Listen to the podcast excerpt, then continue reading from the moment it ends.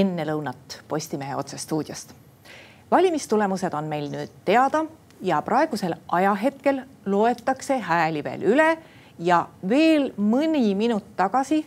kogunes ka Reformierakonna juhatus, kes hakkab nüüd välja nuputama, kellele teha ettepanek uue võimuliidu loomiseks. meil on stuudios Priit Hõbemägi ja Aivar Reinap.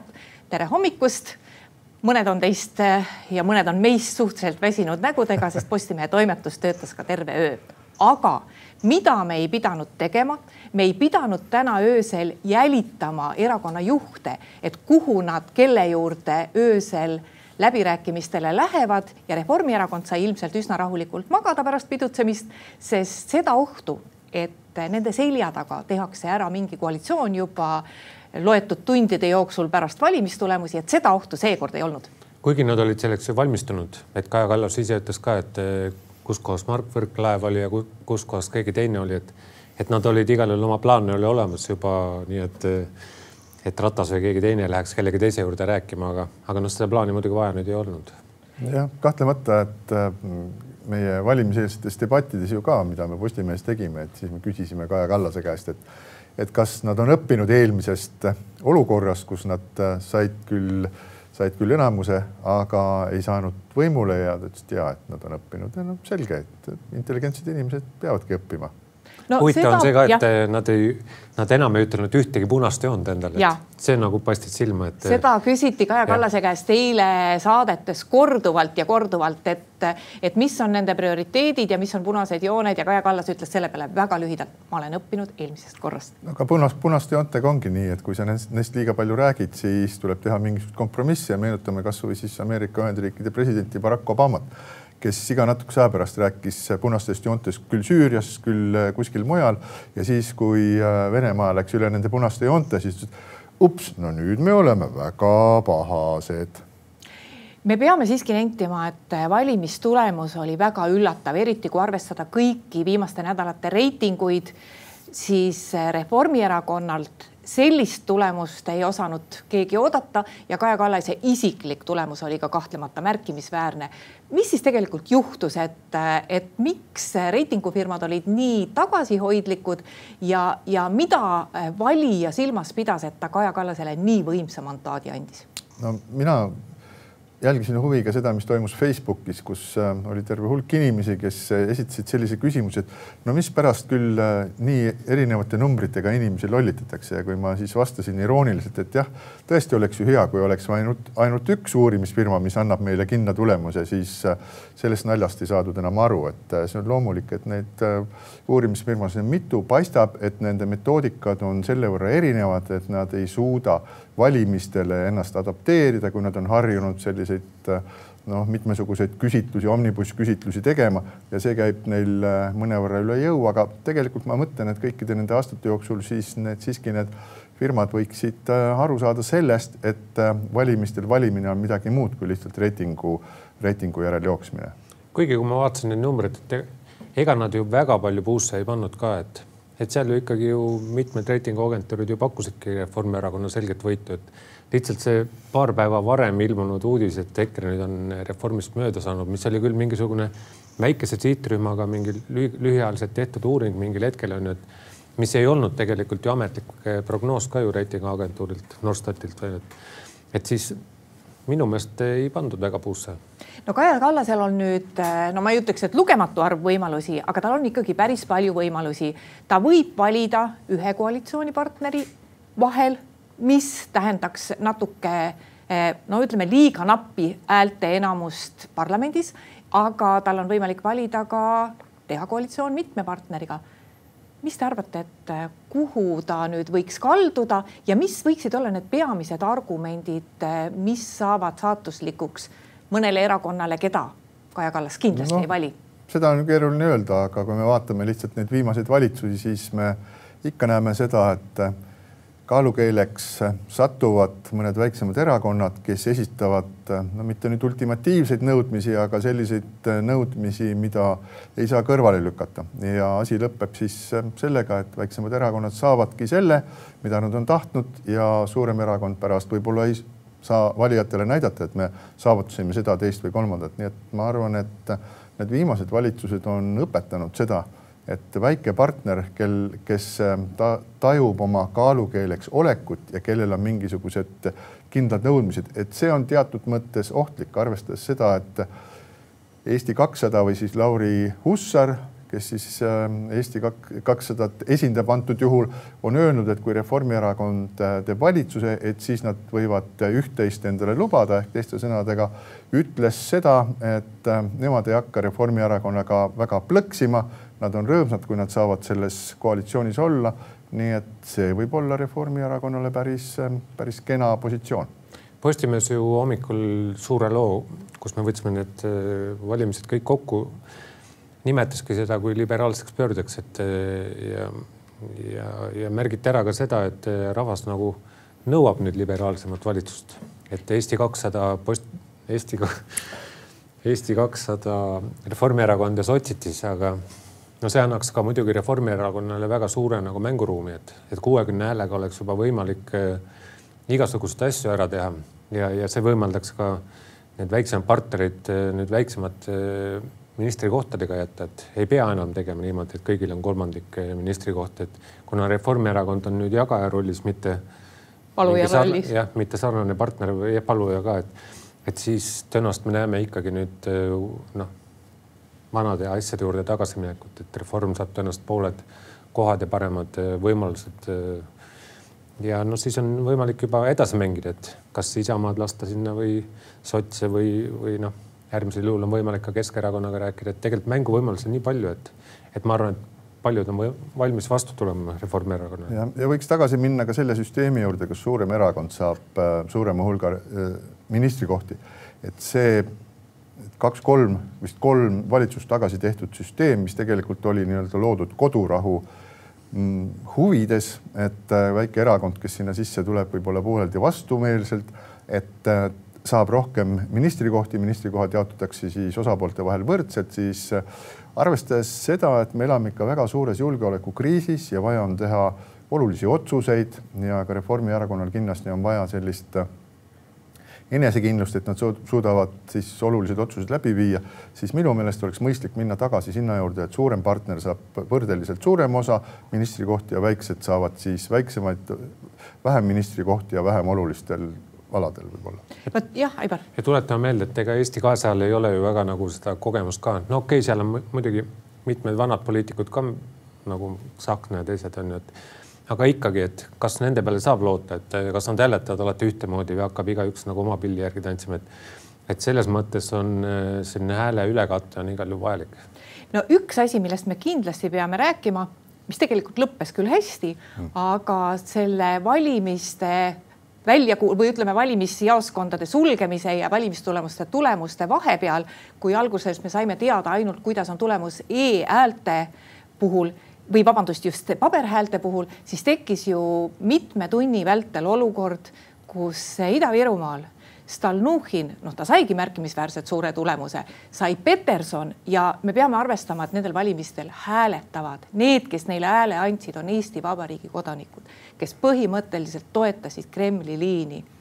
mida me saame siit välja lugeda, mis meil Ida-Virumaal Eesti Vabariigi kodanikega ikkagi toimub? no võib-olla siin õppetundi on kogu sellest asjast nagu hästi palju. esimene on see, et äh, Venemaal on õnnestunud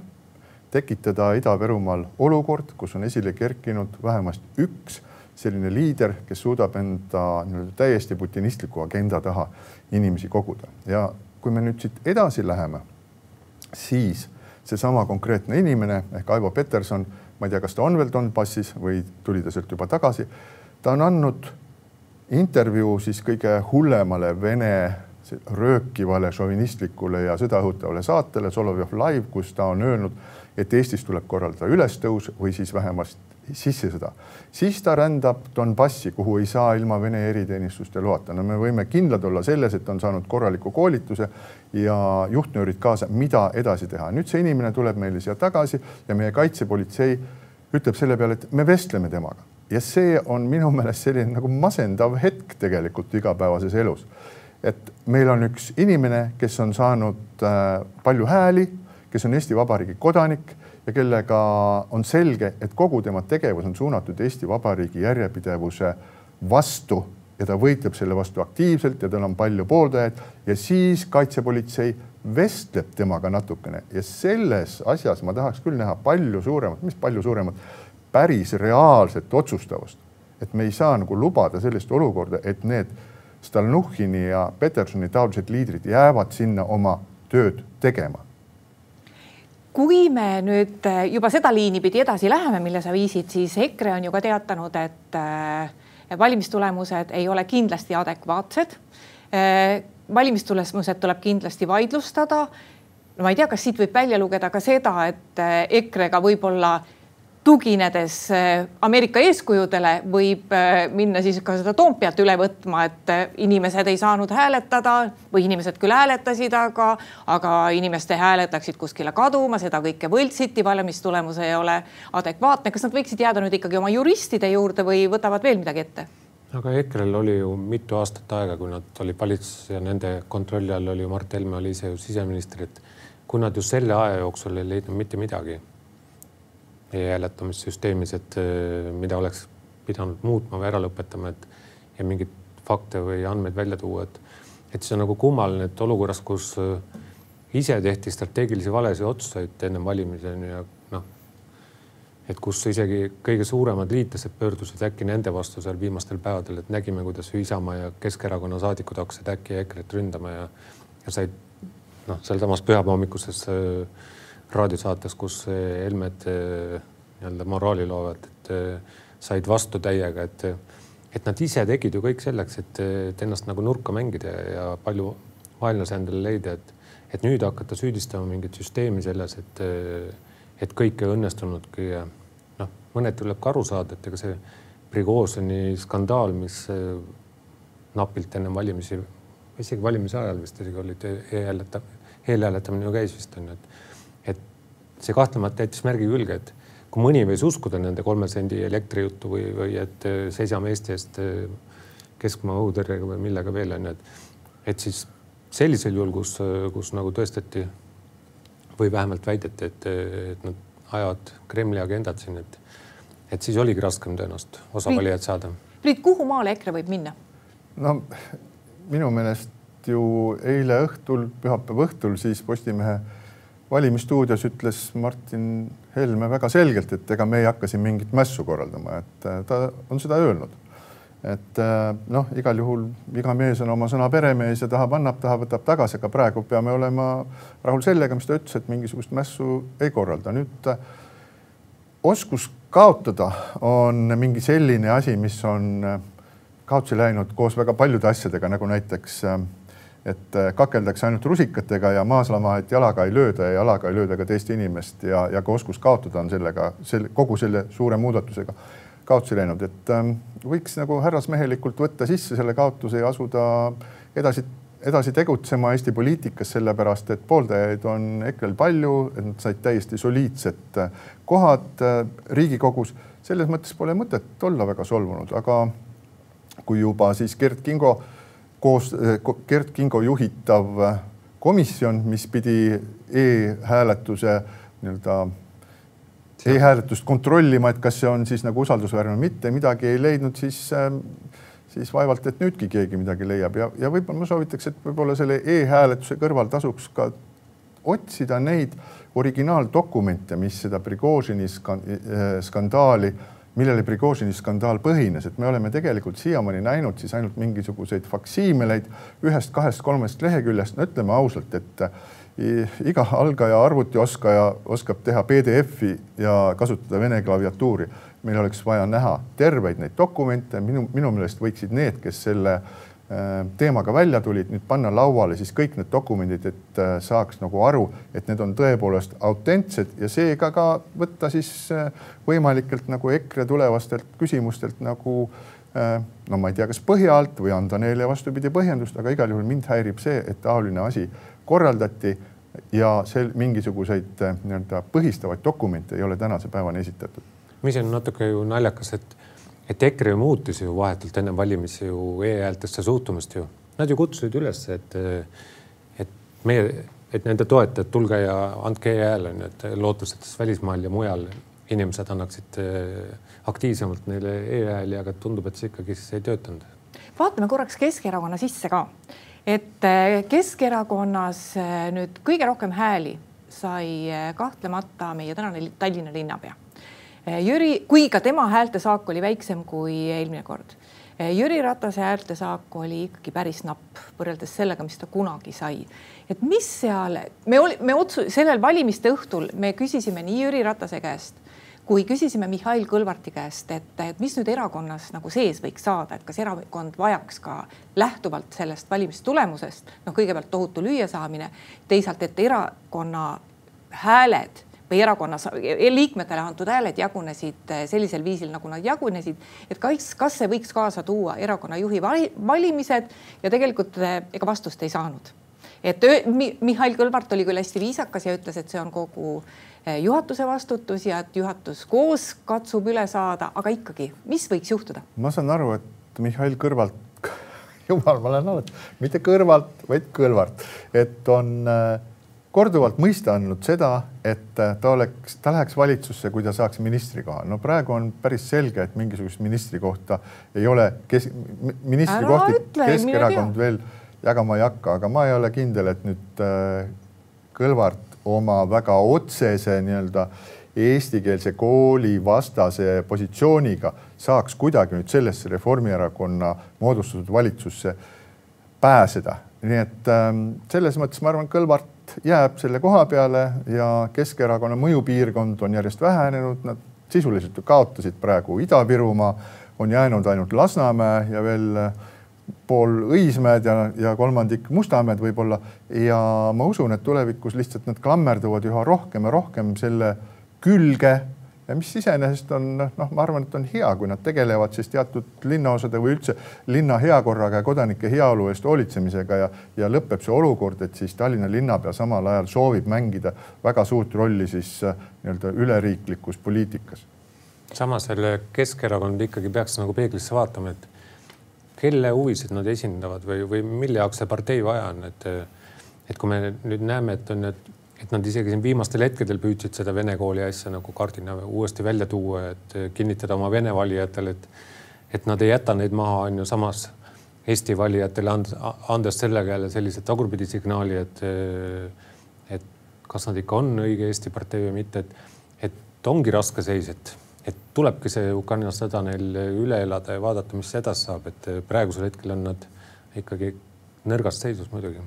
kui Kaja Kallas ütles, et tema punaseid jooni ei tõmba, siis noh, meie võime ju tõmmata, et meie võime ju spekuleerida, et mis võiksid olla need asjad, mida Reformierakond võiks tahta oma lubadustest kindlasti ära teha. no üks on riigikaitse ja ma arvan, et sellega ei teki ka probleeme, ainult jah, tõesti juhul, kui ühel hetkel on näha, et võib-olla raha enam üldse ei ole, et siis äkki hakatakse ikkagi sealt napp sealt nagu natuke näpistama, aga mis nad, mis nad kindlasti tahavad riigikaitse kõrval veel ära teha? pigem no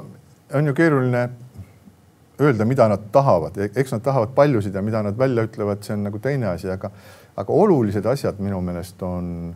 on need, mis äh, ripuvad õhus. Ehk et kui see, see, see on taas see äh, Ida-Virumaa, et kui me puudutame nii-öelda Eesti julgeolekut suures plaanis äh,, NATO-t, koostööd, Ukraina sõda, kõik on üsna selge, et,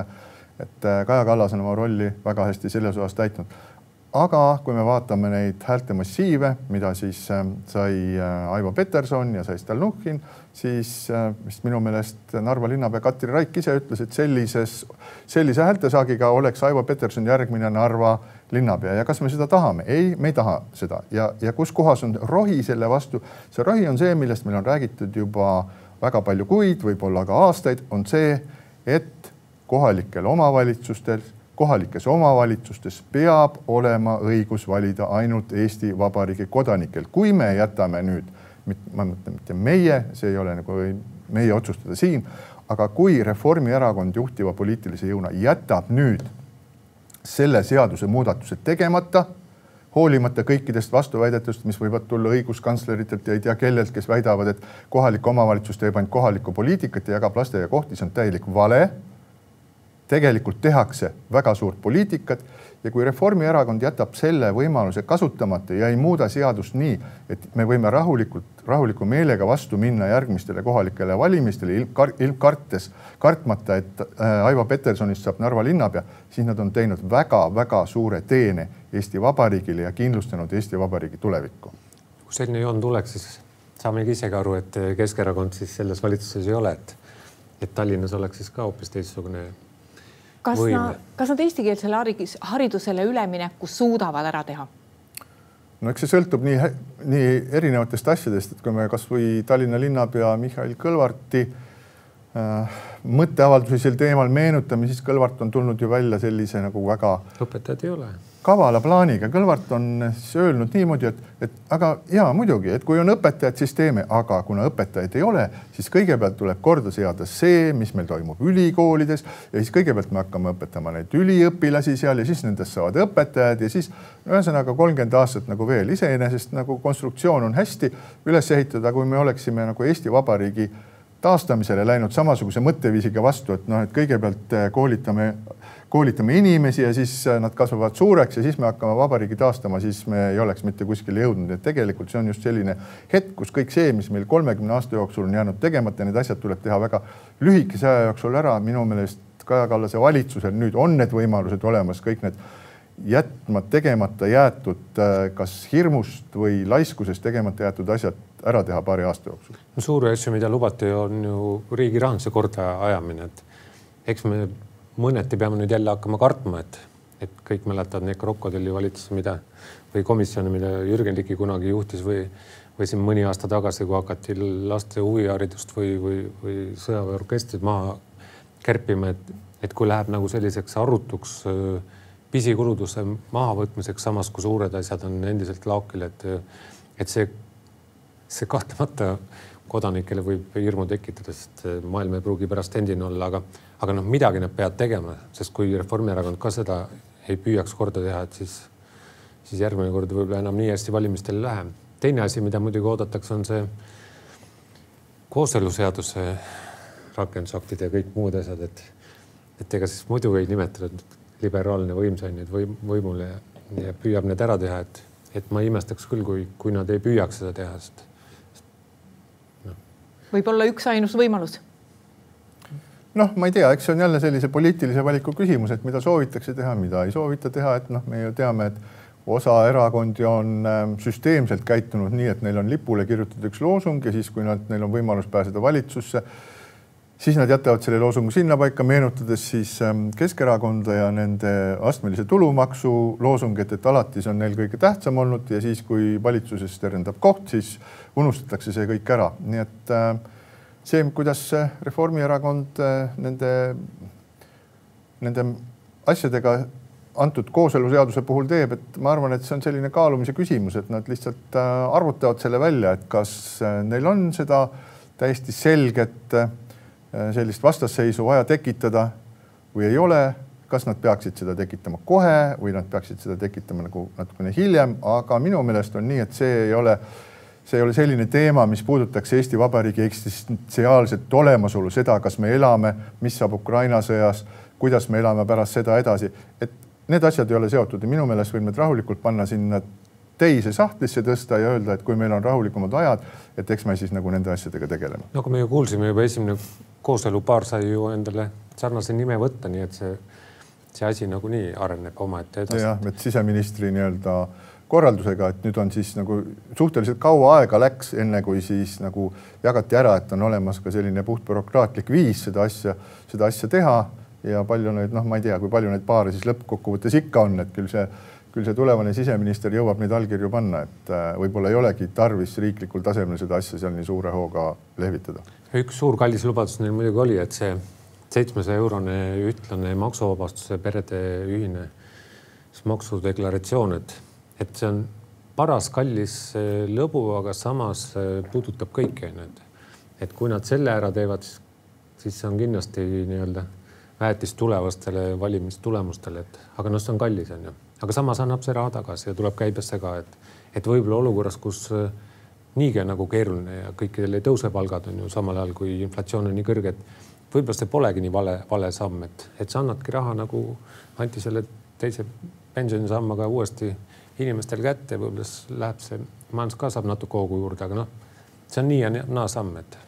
aga aitäh teile, jääme huviga sündmusi jälgima ja ootame, mis saab. Ja aitäh ka kõigile neile, kes meid vaatasid, kõiki järgnevaid poliitilisi arenguid palun jälgige siis juba postimees.ee. thank you